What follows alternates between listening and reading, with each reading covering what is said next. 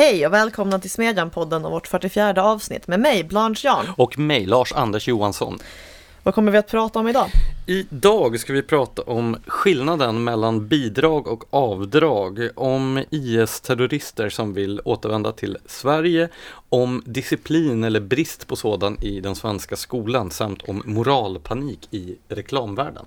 Det blir kul, men först lite nyheter. Vad har hänt sedan vi lämnade våra lyssnare därhän senast? Sedan sist så har eh, då flyktingaktivisten Elin Ersson dömts till böter för den här flygplanskapningen höll jag på att säga, men det var, det var inte direkt en... Alltså i så fall hade man ju kunnat känna sig lite imponerad av henne ändå. Det var inte riktigt en kapning av flygplanet, men eh, hon stoppade ett flygplan för, från att lyfta för att hon ville förhindra en avvisning till Afghanistan, eller hur? Mm, och för det fick hon betala 3000 kronor i böter, vilket ju är ett löjligt lågt belopp när man tänker på hur mycket flygbolaget till exempel måste betala i skadestånd till alla som drabbades av det försenade flyget. Ja, alltså hon dömdes ju till 60 dagsböter var det väl. Det var därför det blev ett så lågt belopp. Hon dömdes inte till 3000 kronor i böter utan Nej men det blev ju 3000 kronor när man räknade ihop dagsböterna. Ja och det beror på att hon hade så liten inkomst eller ingen inkomst eller vad det nu var. Jo, men alltså det är ju fortfarande det är ju ett märkligt system som låter någon komma undan så billigt. För alltså, det är så här, hon vägrade sitta ner bara för att hindra flygplanet från att avgå. Fatta hur många människor hon bara jävlades med. Och så får hon bara 3000 kronor. Hade jag suttit på det planet hade jag varit så arg. Ja, och sen hade du varit arg också om planet hade hindrats från att lyfta. Vad tycker du hade varit ett rimligt straff då?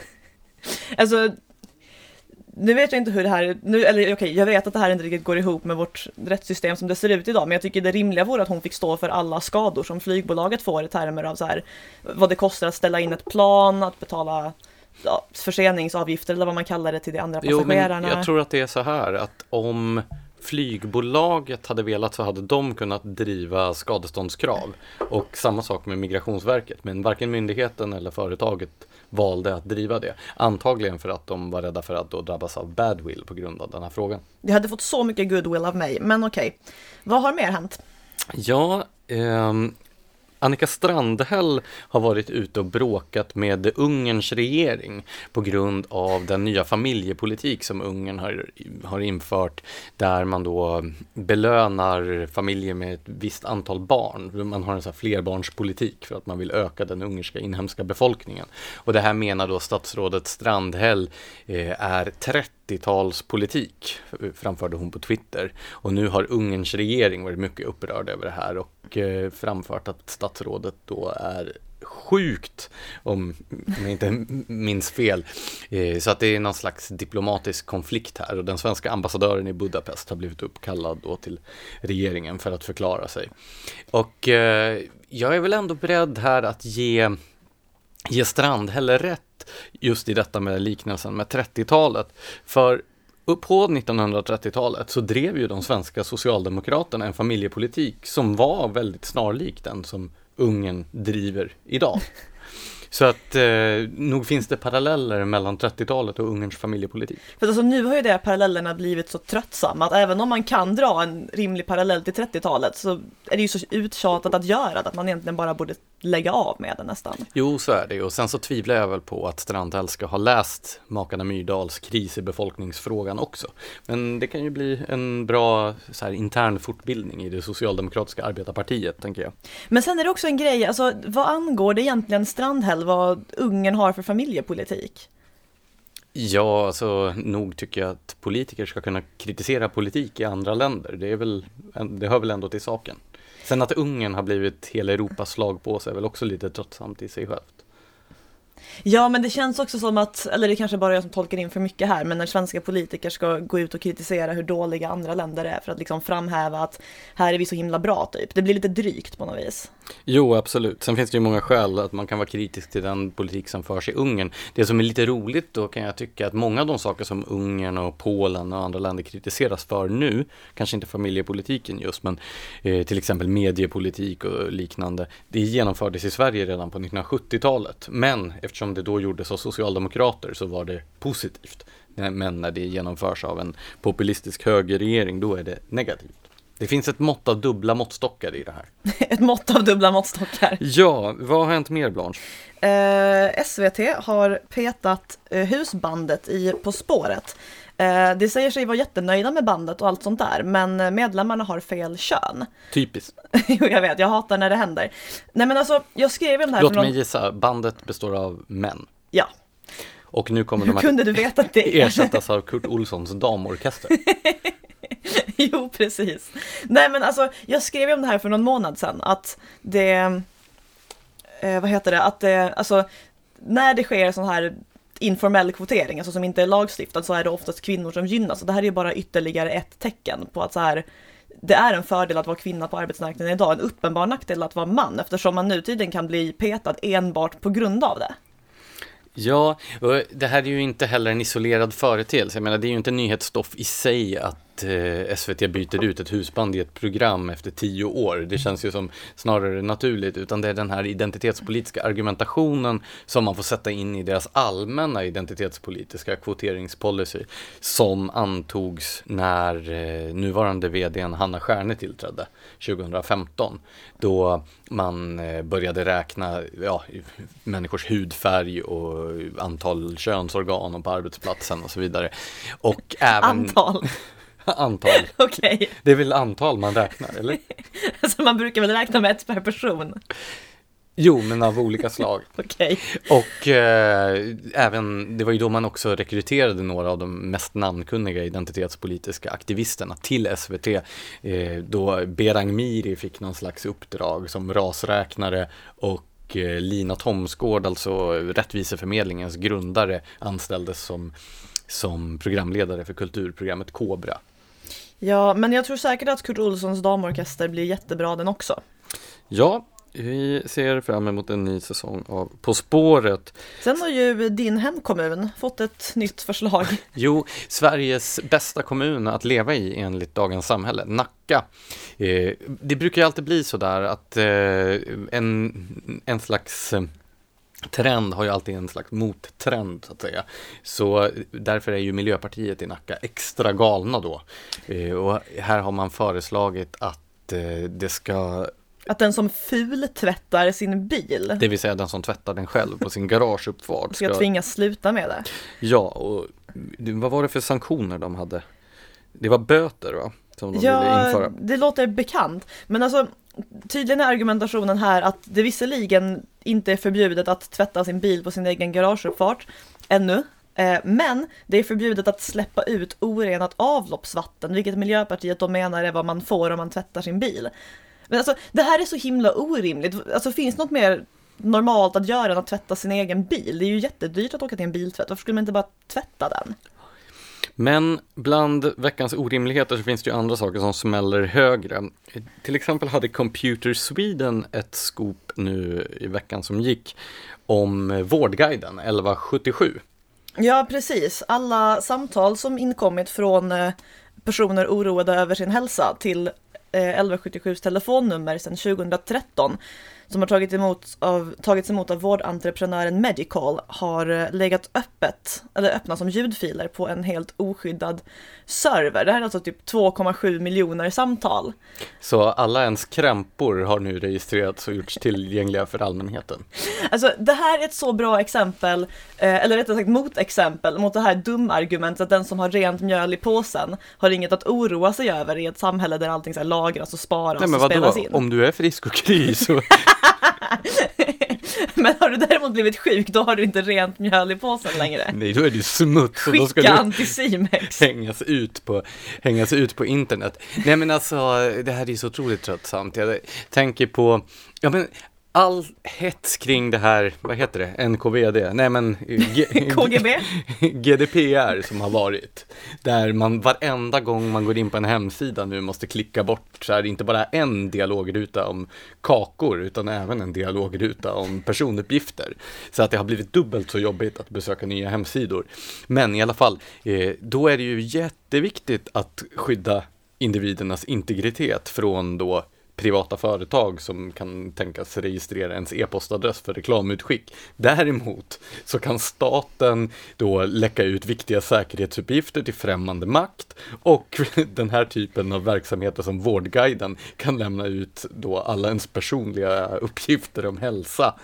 Ja, för alltså jag har ju sett det här argumentet att det här är på grund av nyliberalismen som entreprenörer i vården tillåts och kan göra så här mot människor. Men alltså, det är ju inte som om staten, om det inte fanns några entreprenörer, skulle ta jättebra vara på våra personuppgifter som ju ja, men, tidigare erfarenheter har visat. Nej.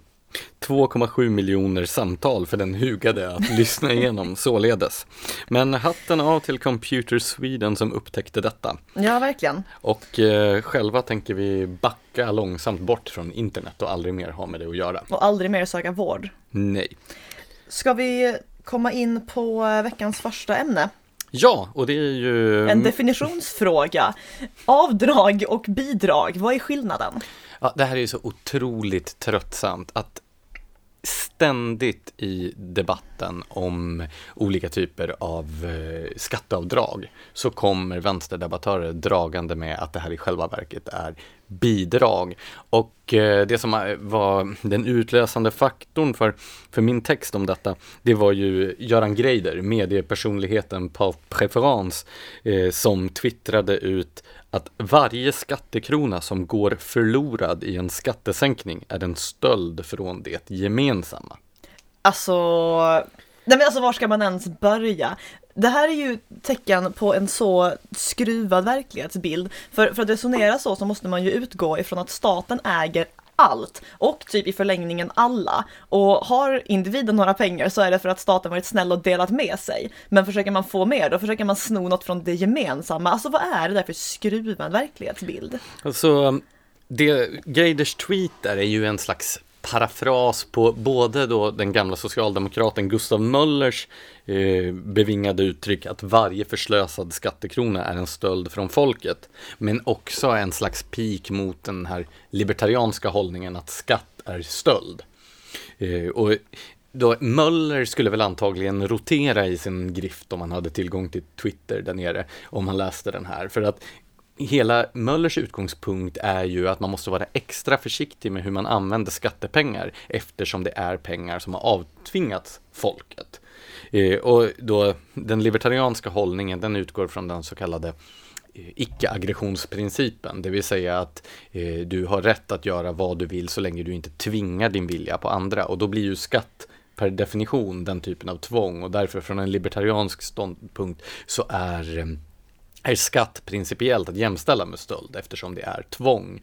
Men vilken princip är det då som Greider härleder sin mm, ståndpunkt ifrån? För det är ju varken den som Gustav Möller hade eller den här libertarianska som Greider polemiserar emot. Det blir ju precis som du säger, att då är principen att allting i ett samhälle, allt som produceras omedelbart per definition tillhör eh, staten.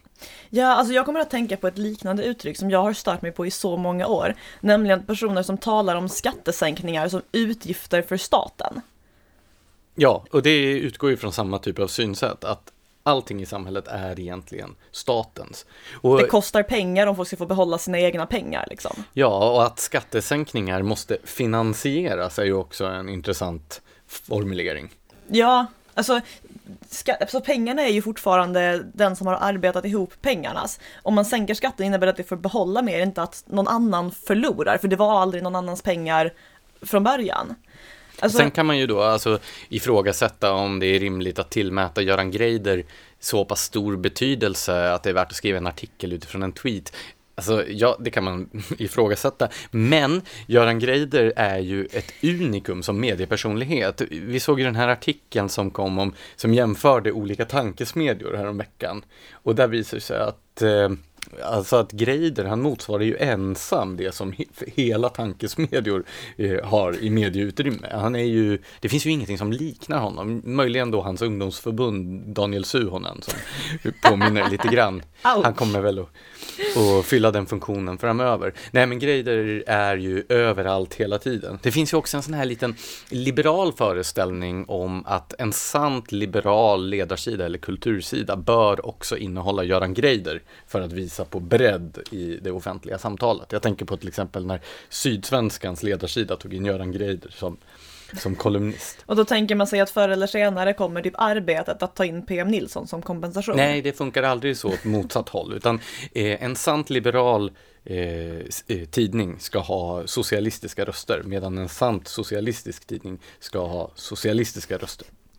Men alltså för att återgå till det här med avdrag och bidrag, alltså är det inte lite av ett grundproblem inom vänstern att man inte fattar vem som skapar värde och liksom varifrån pengar kommer? Alltså jag kommer att tänka på när jag läste din text på eh, John Rawls eh, och hans begrepp okunnighetens slöja. Det här går ju ut på att man ska utforma ett samhälle, alltså man sitter tillsammans vet inte vilken roll man kommer att få i samhället, hur man kommer födas, så här, man, kvinna, hudfärg, handikappad, kompetent, inkompetent, you name it. Eh, och utifrån att man inte vet det här så ska man designa ett samhälle där man fortfarande har en möjlighet att få det så bra som möjligt. Problemet är ju bara att han menar ju att då behöver man ju se till att man omfördelar pengar så att även den som föds med de sämsta möjliga förutsättningarna ska få ett bra liv. Ja, det är ju en socialliberal traditionell hållning. Ja, precis. Men han, liksom, han inkorporerar ju aldrig i sitt resonemang faktum att han inte bara sitter och fördelar pengar som svävar runt där i en klump, utan att han fördelar pengar som tillhör människor bakom den här okunnigheten, eller på andra sidan den här okunnighetens slöja från början. Absolut, eh, men den socialliberala utgångspunkten är ändå en medvetenhet om att pengar skapas utanför staten. Det som de här vänsterdebattörerna, och det var det jag skulle komma till, Greider är ju inte ensam om detta. Det hade varit lite löjligt om det, den här tweeten svävade ensam i universum, utan den speglar ju ett ganska vanligt synsätt. Inte minst då i i debatten av de skatteavdrag som alliansregeringen genomförde, jag tänker på RUT och ROT-avdragen, så var det vanligt att eh, både vänsterdebattörer, kommunistiska debattörer och socialdemokratiska debattörer hänvisade till de här avdragen som bidrag. Jag har några exempel i min text där eh, Jenny Tegeza på, i Proletären, mycket läsvärd tidning, eh, hon skrev då, jag tror det var 2015-2016 om RUT-bidraget är folk folkets städbidrag till den rika minoritet som inte vill ha skit under sina naglar. Och då har hon ju ersatt avdrag med bidrag där, underförstått att det här är utbytbara storheter. Eh, Anna Herdy som är chefredaktör i den vänsterpartistiska Flamman var ute i samma ärende så sent som förra året, skrev att avskaffa RUT och ROT-bidragen som är utformade för de som redan har och håll tassarna borta från den generella välfärdens kronjuvel, barnbidraget. Vänta, är det här den generella välfärdens kronjuvel? Det är tydligen den generella välfärdens kronjuvel. Det är eh, lite märkligt att hon säger det med tanke på att barnbidraget ju även går till de här rika personerna som hon inte vill ska ha så mycket pengar. Ja, men det är ju en egentligen socialdemokratisk idé, så det är ju intressant att en vänsterpartistisk tidning lyfter fram det som kronjuvel. Eh, för Socialdemokraterna har ju den här idén om omfördelning, inte bara från då eh, de fattiga, eller från de rika till de fattiga, eller från de arbetande till de icke-arbetande, utan också en omfördelning över livet, så att alla så att säga ska vara gisslantagna i välfärdssystemet och känna, det är ju ett slags pyramidspel där alla ska intala sig att de vinner på det. Sådär. Men eh, apropå socialdemokrater så är det även sådana som har eh, som har argumenterat på det här sättet. Till exempel så skrev Anders Österberg och eh, Kadir Kasirga, två riksdagsledamöter, eh, de, eh, för Socialdemokraterna, de skrev så här. Barnbidraget utnyttjas av alla på lika villkor, men det finns bidrag som inte utnyttjas på lika villkor av alla, till exempel RUT-bidraget, som borde komma till allas del i den gemensamma välfärden, inte bara ett privilegium för de rika. Jag visste inte att det fanns en inkomstgräns man måste komma över för att få göra RUT-avdrag det är ett privilegium för de rika. Men det som eh, också är så, så speciellt med det här, det är ju just att de inte ser den grundläggande skillnaden. Man kan ju vara kritisk mot avdrag. Jag tycker det är en fullt legitim ståndpunkt. Herregud, jag är själv kritisk mot att staten ska gå in och hålla på att styra medborgarnas konsumtion genom skattelättnader. Alltså punktskattelättnader är ju nästan lika problematiskt som punktskatter. Men den grundläggande skillnaden här är ju att man får behålla sina egna pengar jämfört med att man gör anspråk på någon annans pengar. Men alltså vad jag har funderat på i det här sammanhanget är den här sammanblandningen mellan avdrag och bidrag, är den liksom avsiktlig för att bilda opinion och framställa ett avdrag som att det är någon sorts bidrag till de rika? Eller tror du det handlar om att, alltså en konsekvens av en sossig inpyrd mentalitet som säger att alla tillgångar egentligen är staten, så att det inte ens reflekterar över det här? Jag tror nog att det är skillnad från fall till fall. Det är ju alltid vanskligt att hålla på och spekulera i människors bevekelsegrunder. Jag brukar istället gå på det som folk säger. Men om vi trots allt ska ägna oss åt den här typen av spekulation så tror jag väl att vissa är fullt medvetna om den här grundläggande skillnaden men skriver eh, mot bättre vetande i opinionsbildande syfte. Medan andra, kanske till exempel chefredaktörer på Dala-Demokraten och sådär, faktiskt svävar omkring i ett universum där staten äger allt. Vilket början. vidrigt universum att sväva runt i. Jo, men betänk att Göran Greider, han har ju uppfunnit begreppet timbrofiering som han använder med viss regelbundenhet. Det är ett eh, väldigt smickrande begrepp för oss. jo, alltså Timbros förlagschef Andreas Johansson Heinö, han hade ju räknat utifrån Retriever, mediesökningen, hur många gånger begreppet eh, timbrofiering hade använts. Så jag tror att 11 gånger av 12 eller något sånt där så var det Göran Greider som hade använt det i, i sina ledare. Men i Greiders världsbild, åtminstone så som den framträder på Dala-Demokratens ledarsida, så verkar det ju som att Eh, Sverige är något slags nyliberal dystopi på grund av då att under alliansåren så sänktes det totala skattetrycket eh, med eh, 4 procentenheter eller något sånt där. Och eh, Danmark gick om eh, Sverige som som världens högst skattade land. Nu är vi ju faktiskt på tredje på tredje plats eftersom eh, Frankrike har skjutit upp. I så lärdomen här är alltså att man ändå har högst skatter i världen eller så är man en nyliberal dystopi? En timbrofierad nyliberal dystopi. Men eh, den eh, nuvarande regeringen har ju ändå dragit ett strå till stacken. Jag tror att hälften av alliansens skattesänkningar, alltså sänkning av det totala skattetrycket har redan ätits upp av skattehöjningar under de gångna fyra åren. Jag kommer inte på något bra sätt att gå över till nästa ämne eftersom det är så väldigt svårt att koppla terrorismen till saker som inte är lika förskräckliga. Men eh, är vi redo att prata lite om terrorism? Mm, ja, alltså den brygga som jag ser är väl möjlig ändå att eh, det kommer nog att läggas ansenliga mängder skattepengar på att försöka inskola de här återvändande IS-terroristerna i det svenska samhället, så som verkar vara vad som ligger i i pipen. Jo det, jo, det finns ju anledning att oroa sig för det. Eh, det här är ju aktuellt just nu av två skäl, varav ett är lite mer lågintensivt, nämligen faktum att det har rest omkring 300 svenskar till IS-kontrollerat territorium enligt Säpos bedömning och Eh, det senaste jag såg var att åtminstone 100 av dem beräknas vara vid liv och eh, möjliga, alltså så här, det, det kan tänkas att de är intresserade av att återvända tillbaka eftersom IS nu verkar hålla på att gå under. Vilket ju är trevligt men har negativa konsekvenser för de länder som folk har rest för att bli terrorister ifrån. Jo tack. Eh, men sen har det också blivit extra aktuellt den här veckan eftersom det släpptes en intervju med en brittisk kvinna som för fyra år sedan lämnade London i syfte att eh, gå med i IS. Eh, hon heter Shamima Begum och hon säger jag tycker många människor borde ha typ sympati för mig för allt jag har gått igenom. Eh, hon säger att hon inte ångrar att hon lämnade London för att ansluta sig till IS.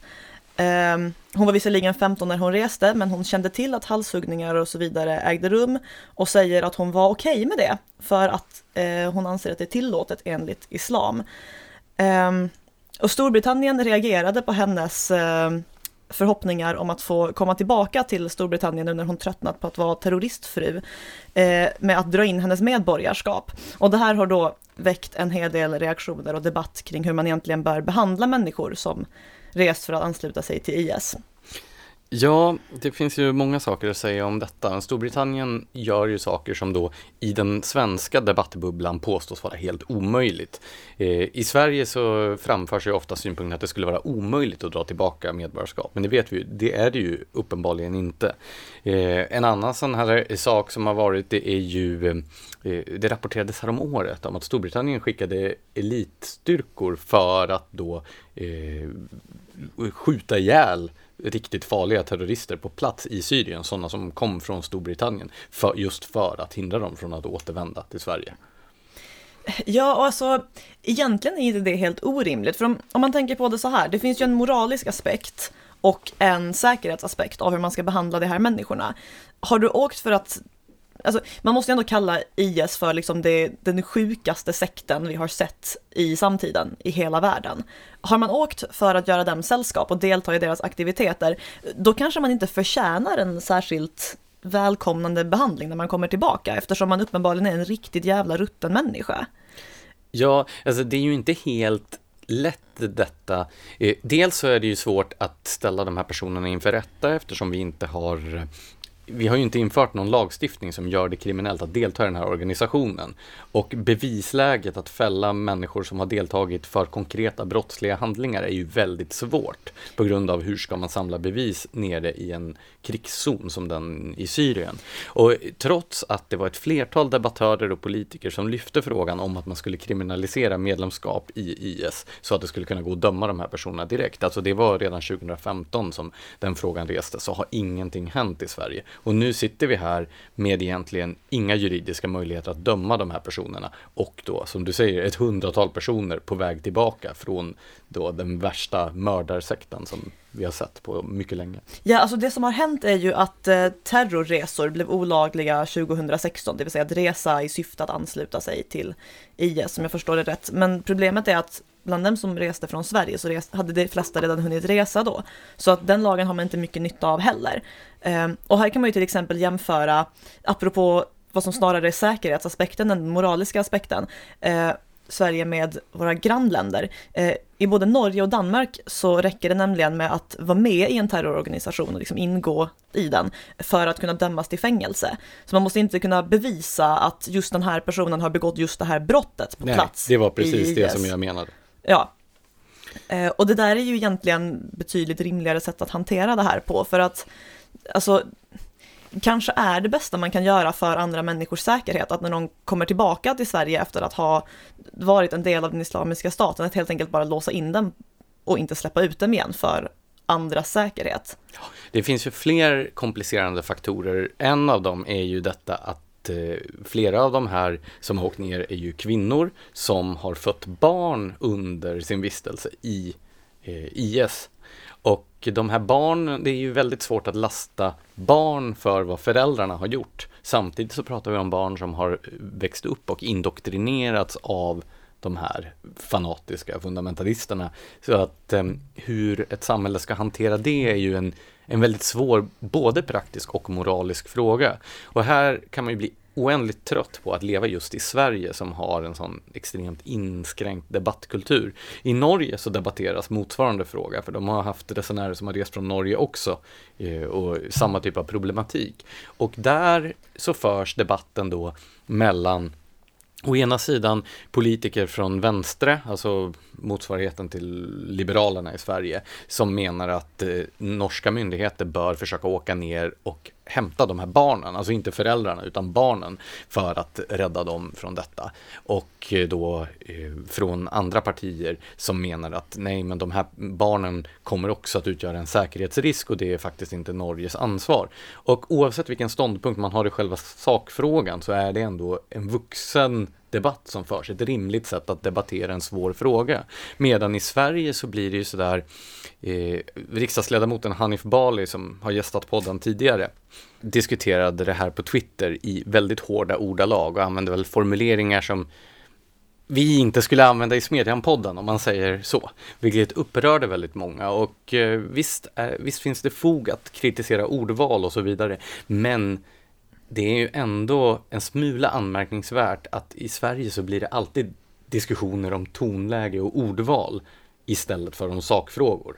Hela den här diskussionen om Hanif Balis tweet har ju överskuggat själva diskussionen om den här problematiken. Jo, det är väl lättare att sätta sig in i någons tonläge än att sätta sig in i så här komplexa moraliska frågor. För det här gäller ju även det här fallet med eh, Shamima Begum, som hon heter, den här brittiska kvinnan, att hon har ju eh, hon har ju ett nyfött barn som är med henne i det här flyktingläget, vilket ju inte är den bästa platsen att växa upp på förstås.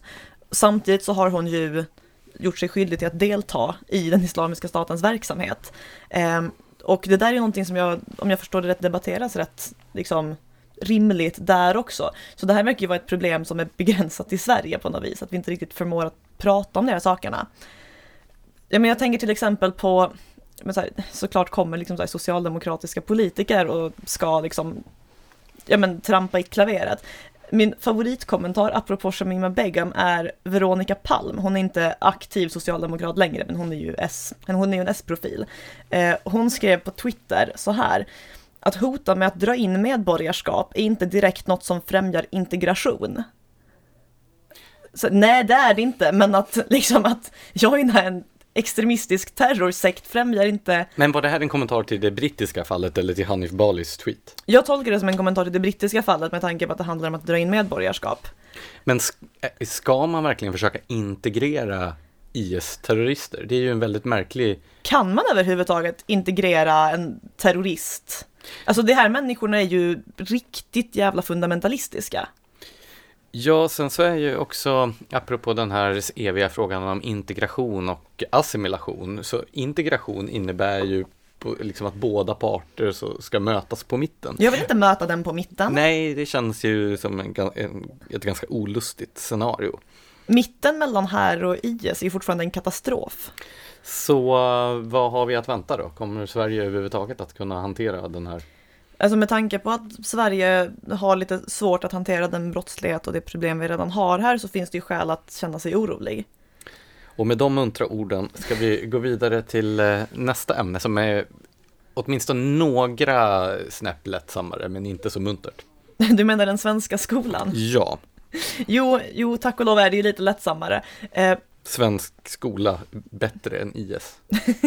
jo, alltså jag har ju skrivit om disciplinen i skolan och nu var jag så nära att dra en dysfunktionell parallell om att man behöver Nej, Nej. gör inte Nej, det. jag ska inte göra det. Men eh, så här, det, jag läste rätt nyss om ett fall där Malmö kommun fick betala 25 000 kronor i skadestånd till en elev som blivit utlyft ur klassrummet eftersom den varit jättestökig och bråkig. Det här har skett liksom ett flertal gånger. Vänta, vänta, vänta. Kommunen fick betala skadestånd till den stökiga eleven.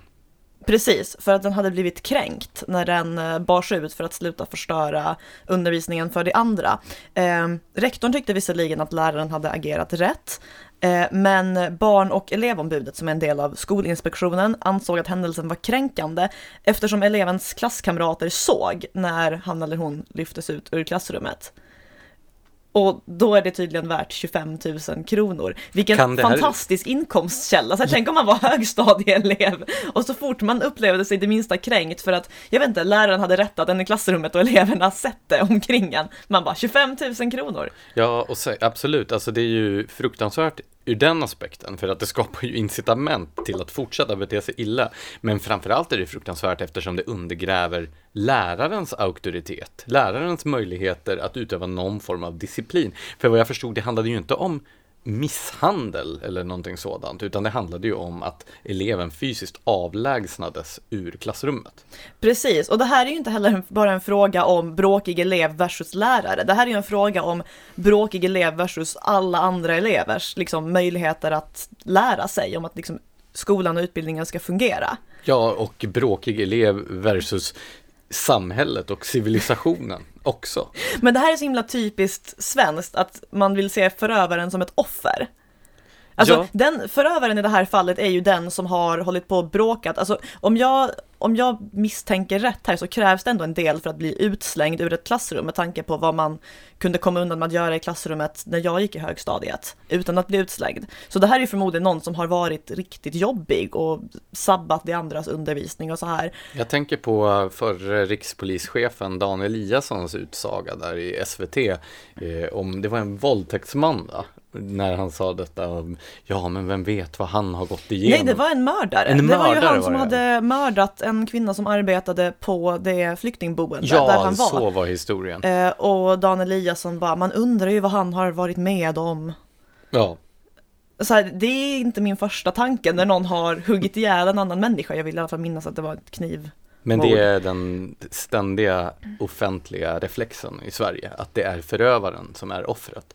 Men i det här fallet är det ju, precis som i de andra fallen, är det ju uppenbart att det är offren som är offer. Jo, jo det är precis så det är. Men vad, vad tycker du då? Vad, hur långt borde lärarens sanktionsmöjligheter i klassrummet sträcka sig? Definitivt borde det ju sträcka sig till att den som blir tillsagd att gå ut ur klassrummet och inte gör det kan lyftas ut. Vilka möjligheter återstår då om läraren inte kan göra det? Du menar om läraren liksom inte är fysiskt kapabel att lyfta ut personen Nej, om läraren vet att eleven kommer att tilldömas skadestånd på 25 000 kronor om den avlägsnar Man kan väl ha ett långt samtal om värdegrunden och hoppas att eleven bryr sig. Ja, det här är ju också, alltså en, det här är ju en del i ett större undergrävande av auktoriteterna i samhället överhuvudtaget. Det Vad tänker som, du nu på för auktoriteter? Jag tänker på de auktoriteter som fanns, ja men ett av de tydligaste exemplen vid sidan av läraren, det är väl prästen som hade en slags moralisk auktoritet men också en slags auktoritet i lokalsamhället i kraft av sitt ämbete. Vem känner den typen av respekt inför prästämbetet idag? Fast det kan väl också bero på att färre och färre är troende? Ja, eller eh, om vi tar då eh, en annan arena för den här typen av hierarkier, kulturlivet, där då personer som hade åstadkommit någonting framgångsrikt på kulturområdet tillmättes en slags auktoritet. Ja, men Svenska Akademin är väl ett av de exempel som tydligast har petats ner från Man Från skulle ju kunna säga att pedestal. har eroderat sin egen auktoritet ganska effektivt på sistone. Kommer du osökt att tänka på den här eh, metaforen att såga av den gren som man sitter på? Jo, Eller att skjuta sig själv i foten. bita handen som matar en. Ja, Ja, det Ja. är precis vad jag gör. Men eh, nej, alltså den här grejen. Vi, det känns som att vi tar upp det här med postmodernism rätt ofta, men det är för att det genomsyrar samhället i allmänhet. Jag läste eh, på lite när jag skrev om det här i eh, den utmärkta boken Nu kollar jag i min bokhylla. jag ser det. Du är inte så diskret, Blanche. Nej, jag vet. Kunskapssynen och pedagogiken är jag till 90% säker på att jag läser, men jag är lite halvblind. Så att, Ja, ja. den hette ingenting om minne. Nej. Nej. Den är i alla fall, eh, Är det Magnus Henrikssons? han var redaktör för den, men det är Ja. fyra personer, inklusive eh, Henriksson, som har bidragit till den. Eh, och eh, en av dem skrev ett eh, Eh, kapitel om eh, hur, hur det är den postmoderna ideologin som skiner igenom i eh, de moderna läroplanerna. Alltså man har gått från läroplaner som säger vad eleverna ska lära sig och det förutsätter ju förstås att det finns en alltså kunskap som är absolut och inte en tolkningsfråga, för annars kan man ju inte säga att man ska lära sig en specifik grej.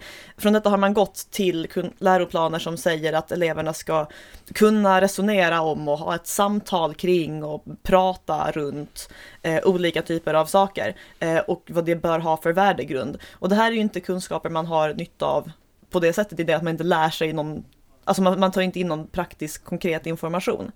Det här går ju tillbaka egentligen till 1970-1980-talet där eh, den svenska skolan omdanades till att bli en slags uppfostrings eh, mekanism för att fostra demokratiska medborgare snarare än en slags läroinstitution som skulle förmedla kunskaper. Jag skriver om det där lite grann eftersom utbildningspolitik och kulturpolitik tangerar varandra så skrev jag om det i Eh, min bok om kulturpolitik, att dansa efter maktens pipa. Jag tror också att jag berörde i varken bildning eller piano om bildningsperspektivet som försvann. Hur otroligt nära sammanlänkad den svenska skolpolitiken var under 80-talet med den som bedrevs i DDR. Där då svenska styrdokument för skolan var egentligen plagiat nästan från de som fanns i DDR. Bara det att där stod det mm. att man skulle fostra socialistiska medborgare och i Sverige att det skulle vara demokratiska medborgare. Men just synsättet var likartat, att det handlade om en slags instrumentell syn på att för, förmedla en ideologi till eleverna snarare än att vara en kunskapsförmedlande institution. Ja, och alltså det blir ju liksom två fel. Man bör kanske inte ideologisera barn och unga och samtidigt bör man ju förmedla kunskap till dem. Alltså jag insåg att jag var så kluven när jag skrev om det här eftersom det var ju inte jätte, jätte, jättemånga år sedan jag själv gick i skolan. Och det flesta, ah. jag vet, sjukt att tänka sig. Eh, och de flesta av mina lärare var ju sådana här som ville vara kompis med eleverna och det var liksom väldigt mycket, ja men så här lite halvövervakade grupparbeten där man satt och blev jättebra på att vika pappersflygplan och den sortens grejer. Och då tyckte jag ju bättre om de lärarna än om dem som tvingade mig att göra saker. Men i efterhand så hatar jag de lärarna och tycker jättebra om dem som hade lite mer ordning och reda och disciplin för att det var deras undervisning jag fick ut någonting av. Men det var ändå lite jobbigt att inse att den här den anti-auktoritära inställningen till auktoritära lärare har gått över lite. Alltså håller jag på att bli gammal liksom? Vad är problemet här? Eh, Ja, det var ju flera frågor i en där. Om vi börjar med den enklaste, håller du på att bli gammal? Nej, det skulle jag, så långt skulle jag inte sträcka mig. Inte mer än, möjligen lillgammal, men det tror jag inte är någonting nytt som har, har inträffat. Vad fan, lillgammal? Fast jag är det... ändå för gammal för att vara lillgammal. Man skulle kunna tro det. Eh, fast fördelen med lillgammalhet är ju att det övergår med, med tiden. Fast Ja.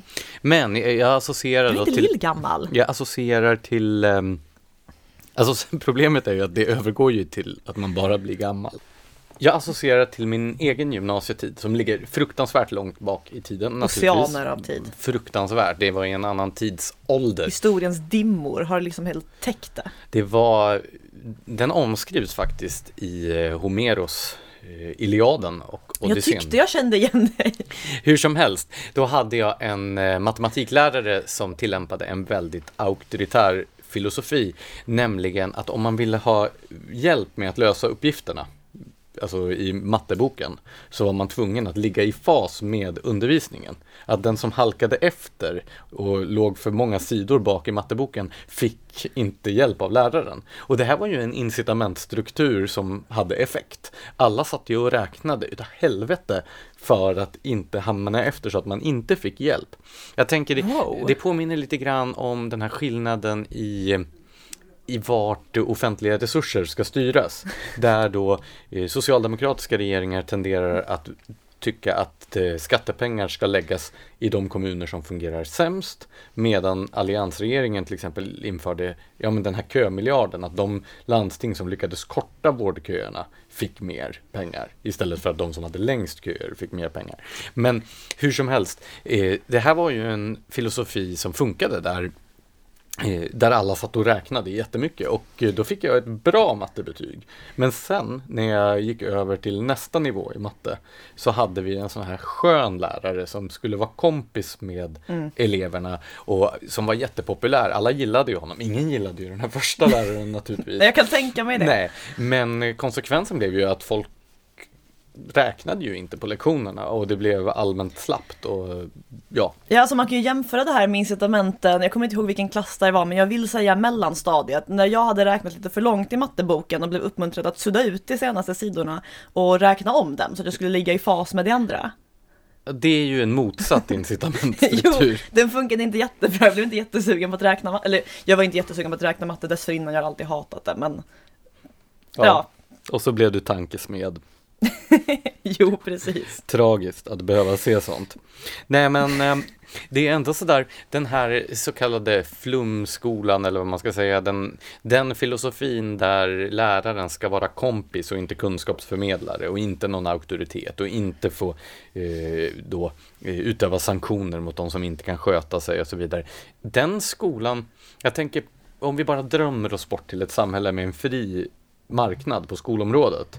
Tror du att den typen av skolor skulle ha lätt att locka elever eller att locka föräldrar att sätta sina barn i?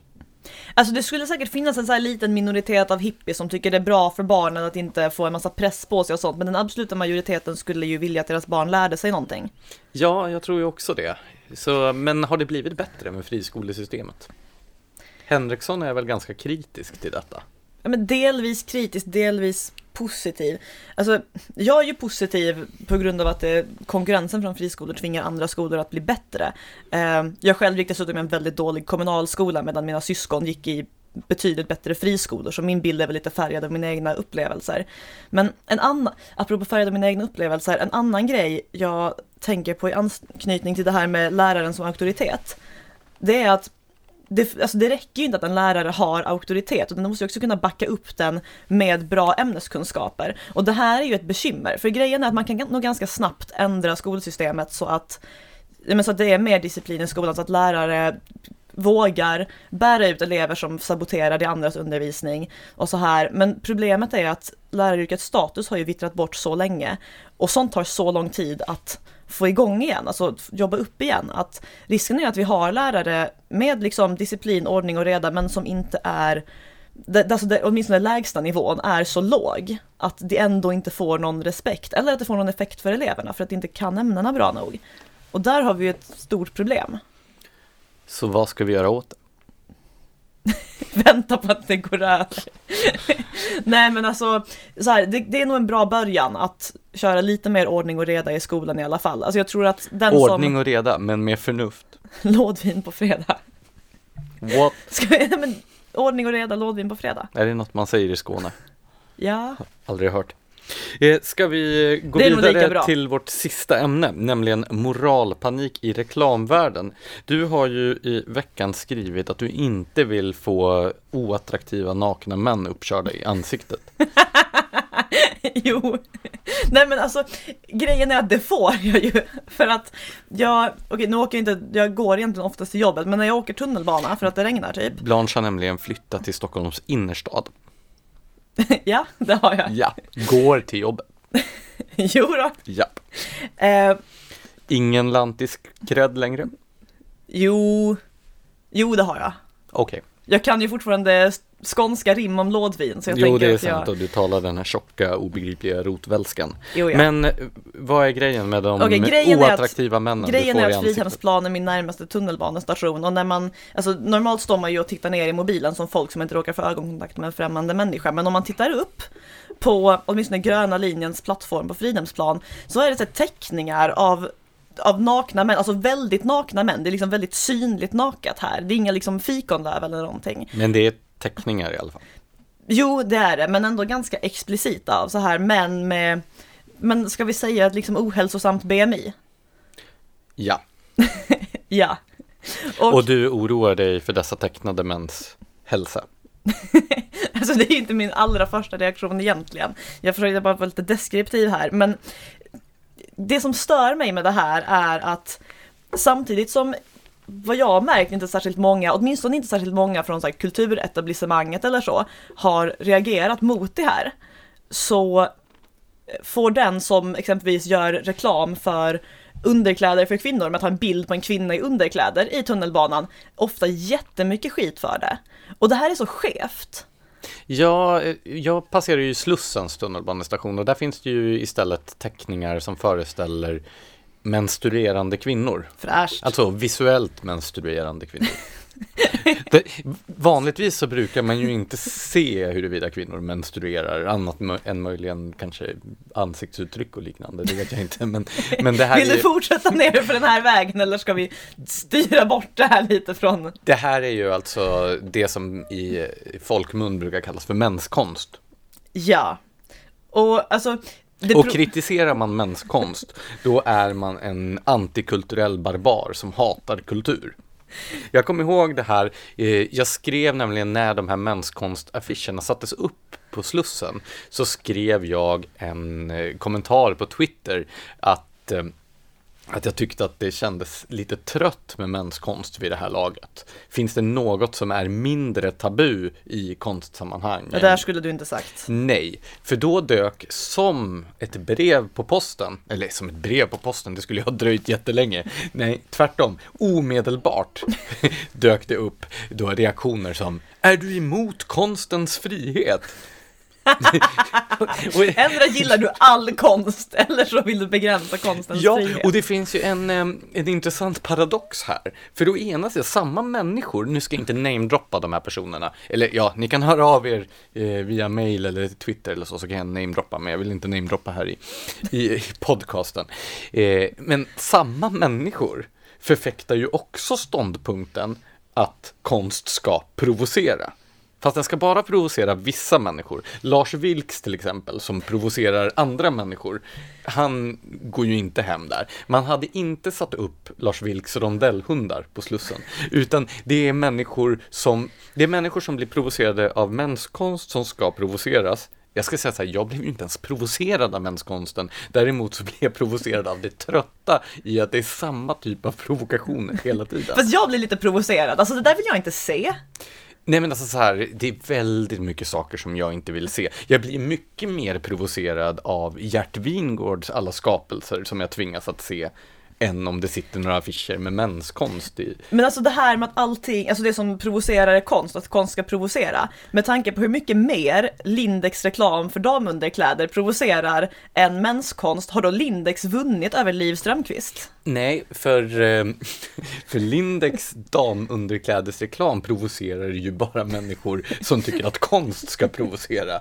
Och de människorna tycker ju bara att det är människor som blir provocerade av menskonst som ska bli provocerade. Medan de själva ska gå runt och mysa åt menskonsten och bli provocerade av damunderkläderna. Ja, och sen är ju grejen att Lindex tjänar ju pengar på det här för att det gör reklam för något. I och för sig så tjänar väl förhoppningsvis Liv Strömquist pengar på att eh, SL ställer ut hennes konst i tunnelbanan. Jo, men eh, den som tjänar pengar på att ställa ut konst i tunnelbanan, den tjänar ju skattepengar och det är fint. Det är fint, apropå diskussionen vi inledde det här poddavsnittet med, det är fint att tjäna pengar på människor som avtvingats pengar av staten, men det är fult att tjäna pengar på människor som frivilligt betalar för någonting, till exempel damunderkläder. Det här är en så skev moral. Ja, ungefär lika skev som i att det är, konst ska provocera, men bara en viss typ av människor.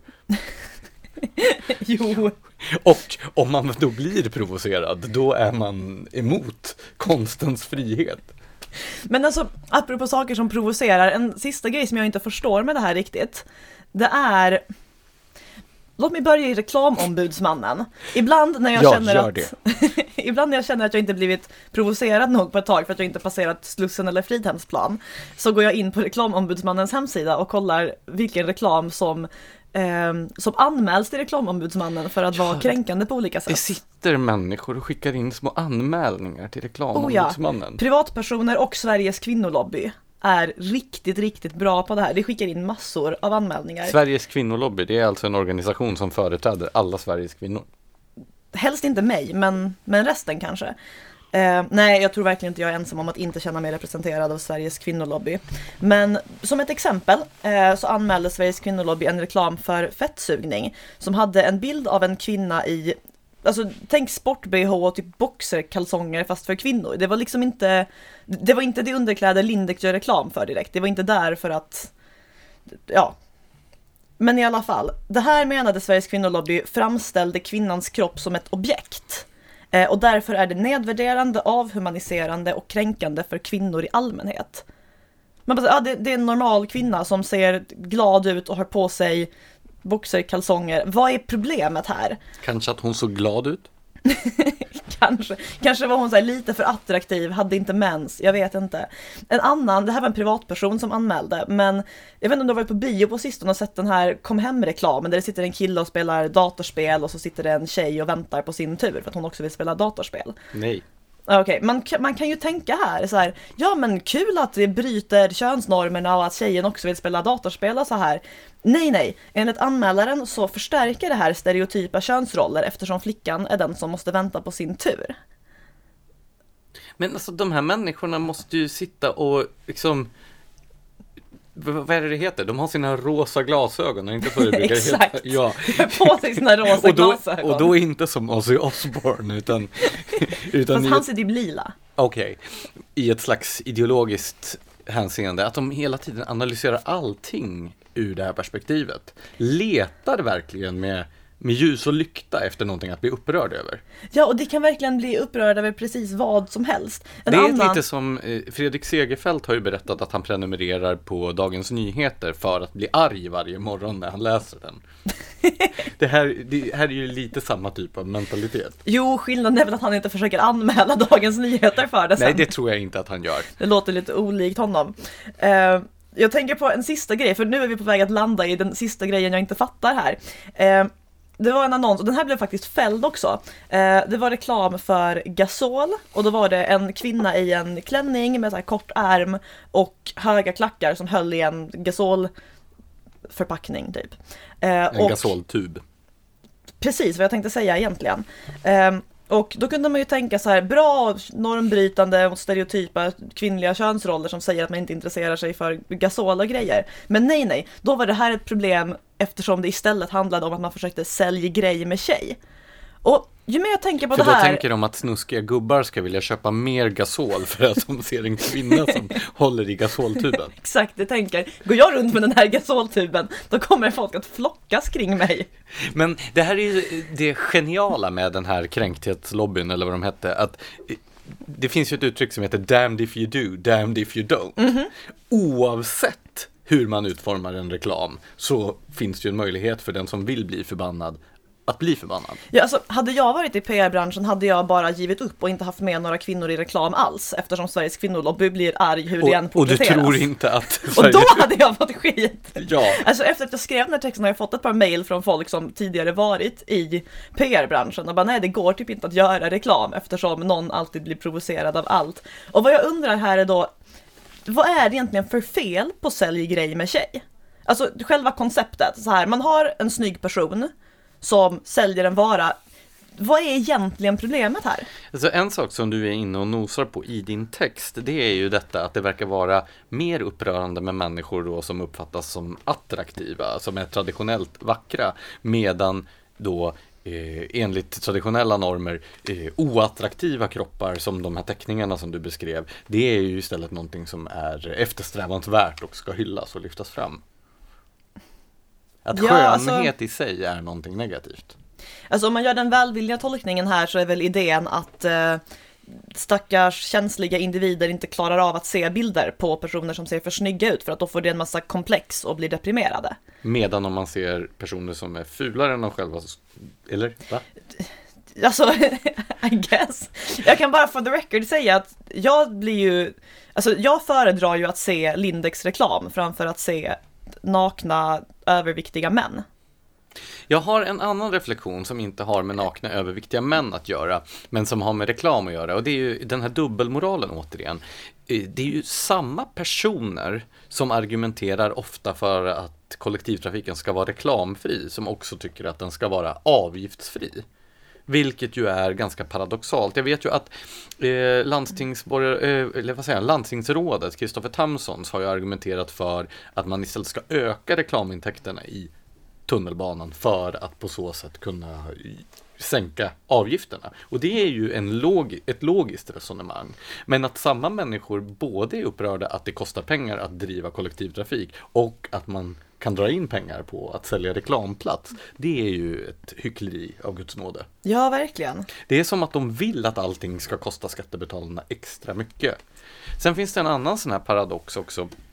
Eh, vi överöses ju nu av reklam för nätkasinon. Och den här reklamen mm. är ju extremt tröttsam. Och riktigt dålig också. Ja, den är så infantil och det har utbrutit en debatt om detta och genast så landar ju debatten i att människor vill förbjuda den här reklamen. Men det som jag tänker på då, det är att eh, vi har ju förbjudit reklam för alkohol och tobak i, i de här miljöerna. Varför tillåter vi spelreklam i de miljöerna? Jag skulle ju mycket hellre, mycket hellre än att se reklam för nätkasino, men också hellre än att se menskonst eller vad det nu är, se reklam för trevliga saker som cigarr. Som alkohol och tobak. Ja, exakt. Ja, men eh, tänk så här, det är ju en hel konstnärlig genre. Folk köper ju så här vintage-affischer av liksom ölreklam och... Folk eh, köper till och med fejkade vintage-affischer för öl och liksom och vina grejer. tobaksreklam. Men det då, som människor uppenbarligen uppskattar så mycket att de är beredda att lägga privata pengar på att köpa reklamaffischer. Det ska inte vara tillåtet. Jag tror ju inte att man i framtiden kommer att sitta och köpa vintage-affischer för nätkasinon. Nej, men så här, hade nätkasinon gjort bättre reklam så. Å andra sidan vet man aldrig om det bara är nätkasinona som är riktigt kassa på det här med reklam eller om de inte får göra bra reklam. Eh, om man tänker Fast på... jag skulle ändå inte, hur fin själva affischen än var, så skulle jag inte vilja ha en reklamaffisch för ett nätkasino hemma. Nej okej då, men det kanske finns andra, jag vet inte. Men poängen här är hur som helst att det finns en puritanism i det här. För jag, jag tänker på just alkoholreklamen. Den får ju förekomma i tidningar till exempel. Men då är det så här bisarrt begränsat hur den får vara utformad. Det får liksom inte det, det, måste stå vad det är för alkoholhalt, men den får absolut inte presenteras som något positivt. Så man ska bara informera, man får absolut inte framhäva, man får inte ha människor som ser glada ut eller så, som dricker alkoholen.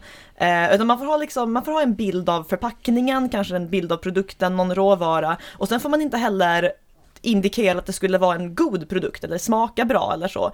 Utan vad man får göra är att skumma igenom olika vinrecensenters hemsidor på jakt efter någon som sagt något snällt om vinet, så kan man få citera det.